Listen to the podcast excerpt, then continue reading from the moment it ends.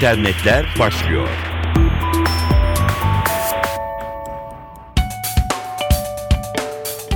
Merhaba sevgili dinleyenler ben Dilara Eldaş dijital dünyanın gelişmelerini aktaracağız. Sosyal paylaşım sitesi Twitter'ın kurucusu ve CEO'su Jack Dorsey, oyuncu Fadik Sevin Atasoy'u takibe aldı. Dorsey, Twitter'da sayfasını takip ettiği kişiler arasına Atasoy'u da ekledi. Cumhurbaşkanı Abdullah Gül'ün sayfasını da takip eden Dorsey'in ilgisini çektiği için mutlu olduğunu söyleyen oyuncu, çok şaşırdım. Jack Dorsey gibi dahi sayılabilecek nitelikteki birinin ilgisini çekmek ve takip ettiği isimler arasında Cumhurbaşkanımız Abdullah Gül'le birlikte yer almak beni mutlu etti dedi.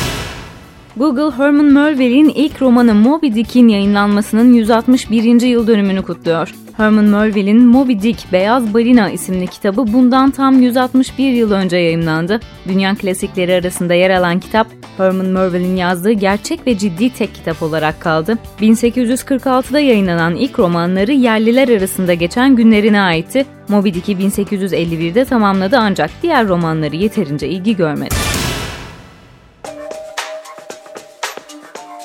Beyaz TV Genel Müdürü ve aynı zamanda Ankara Büyükşehir Belediye Başkanı Melih Gökçek'in oğlu Osman Gökçek, kendisine ekşi sözlükte küfür eden kişiyi Twitter'dan açıkladı. Olayı Twitter'daki kendi hesabından açıklayan Gökçek, Gelmişsin 80 yaşına ekşi sözlüğe girip millete sövmek sana ne kazandırıyor dedi. Medya Radar'ın haberine göre Gökçek'in avukatına talimat vererek ekşi sözlükte kendisine hakaret ve küfür edenleri mahkemeye vermeyi talep etti. Avukatı kendisine 80 yaşında bir kişinin olduğunu söyleyince şaşkına döndü. Sosyal paylaşım sitesi Twitter'dan kızgınlığını gösteren Gökçek şunları paylaştı. Biraz önce avukatımla bana hakaret ettiği için suç duyurusunda bulunduğum kişiler hakkında konuştuk. Akla gelmeyecek bu küfürleri eden kişiler arasında 1932 doğumlu bir kişi var. Gelmişsin 80 yaşına ekşi sözlüğe girip millete sövmek sana ne kazandırıyor diyor. Bakalım önceden cezan var mı? Varsa bir de bu yaştan sonra içeri girersin belki 80 yıl sonra aklın başına gelir demiş. Acaba doğrulanmış mı ekşi sözlükteki yaşı? Hala o bir muamma.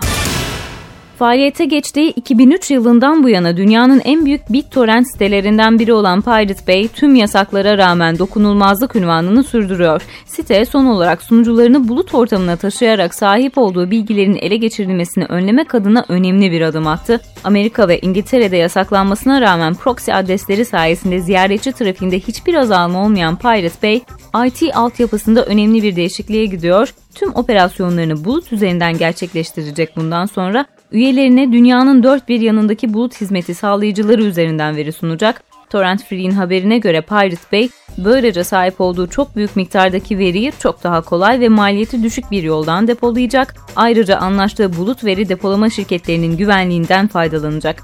Kullanıcılar verilere erişim ve indirme konusunda hız avantajı elde edecek kısa bir süre önce yaşanan polis baskınında el konulabilecek fiziksel sunucular da böylelikle ortadan kalkmış olacak. Pirate Bay 2006 yılında polis tarafından basılmış, kısa bir süre önce de polis sitenin sunucularını bulunduran bir şirkete baskın düzenlemişti. Birkaç ay önce Amerika Birleşik Devletleri ve Avrupa'da da yasaklanan Pirate Bay'in kurucusu Gottfried Swartholm, Eylül ayı başında da gözaltına alınmıştı. Tüm bu olumsuz gelişmelere rağmen site ayakta kalmayı başardığı gibi faaliyetlerini şimdi buluta taşımış oluyor. Tehditlere karşı tecrübeli bir yapılanmaya sahip olan Pirate Bay, geçmişte birçok farklı noktadan sunucularının yedeklerini bulunduruyordu fiziksel sunuculara bağımlı olmanın sıkıntılarından kurtulmaya karar veren BitTorrent devi dün bu değişikliği açıkladıktan sonra 5 dakika faaliyet dışı kaldı ve duyurduğu dönüşümü gerçekleştirdi.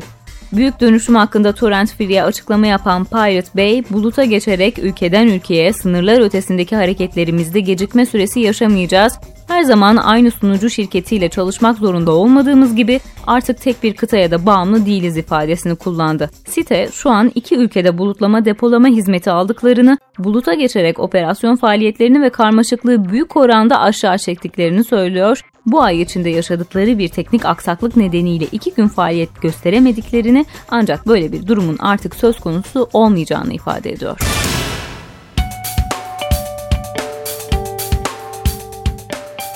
Ülkelerin spam üretimi hakkında hazırlanan bir araştırma Hindistan'ı açık ara farkla birinci sıraya oturturken Türkiye, Almanya ve Birleşik Krallığı geride bırakarak 6. sıraya yerleşti. İnternetteki spam oranının en büyük sorumlusunun botnetler olduğu ifade edildi. İngiltere merkezli Sophos Labs araştırma şirketinin gerçekleştirdiği araştırma internete hangi ülkenin ne kadar spam yolladığını gözler önüne serdi. Hindistan botnet şampiyonu açık ara farkla İtalya'nın ikinci, Amerika Birleşik Devletleri'nin üçüncü olduğu listede Türkiye ise altıncı sırada. Hindistan %16.1'lik bir orana sahip spam konusunda Amerika Birleşik Devletleri'ni geride bırakıyor bu anlamda. Dünyanın en çok spam gönderen ülkesi. Sophos Labs internet kullanıcılarının e-posta kutularında beliren her altı çöp postadan birinin Hindistan'dan geldiğini ifade etti. Sophos Lab'in her çeyrekte yayınladığı Dirty Dozen raporunun üçüncüsünde Hindistan'ın internetteki toplam çöp postalarının %16'sından fazlasını ürettiği belirtiliyor. Bu durumun en büyük nedeni olaraksa ülkedeki botnet sayısının artışı gösteriliyor. Botnetler, güvenlikleri ihlal edilerek kötü amaçlı eylemler için kullanılan bilgisayarların oluşturduğu grupları temsil ediyor. Signet'in dikkat çektiği bu husus çöp elektronik posta yani spam üreten bilgisayarların tümünün Hindistan'dan gelmediği anlamına geliyor. Botnetlere üye olan ve internete spam saçan bilgisayarlar dünyanın herhangi bir yerinde bulunuyor olabilir.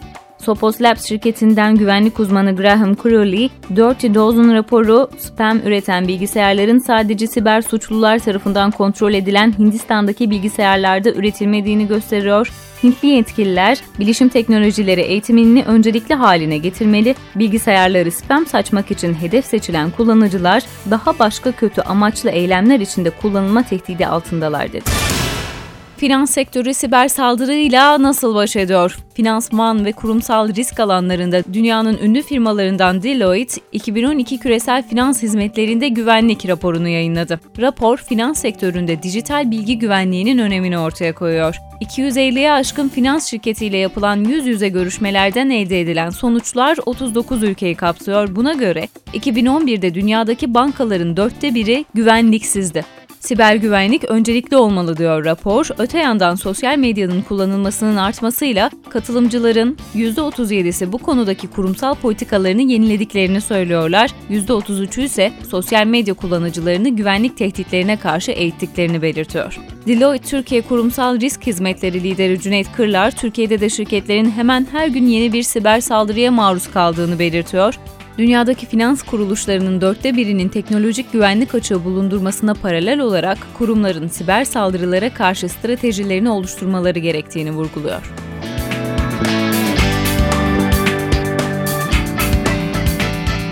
Bültenimizin sonuna geldik efendim. Tekrar görüşmek üzere. Hoşçakalın.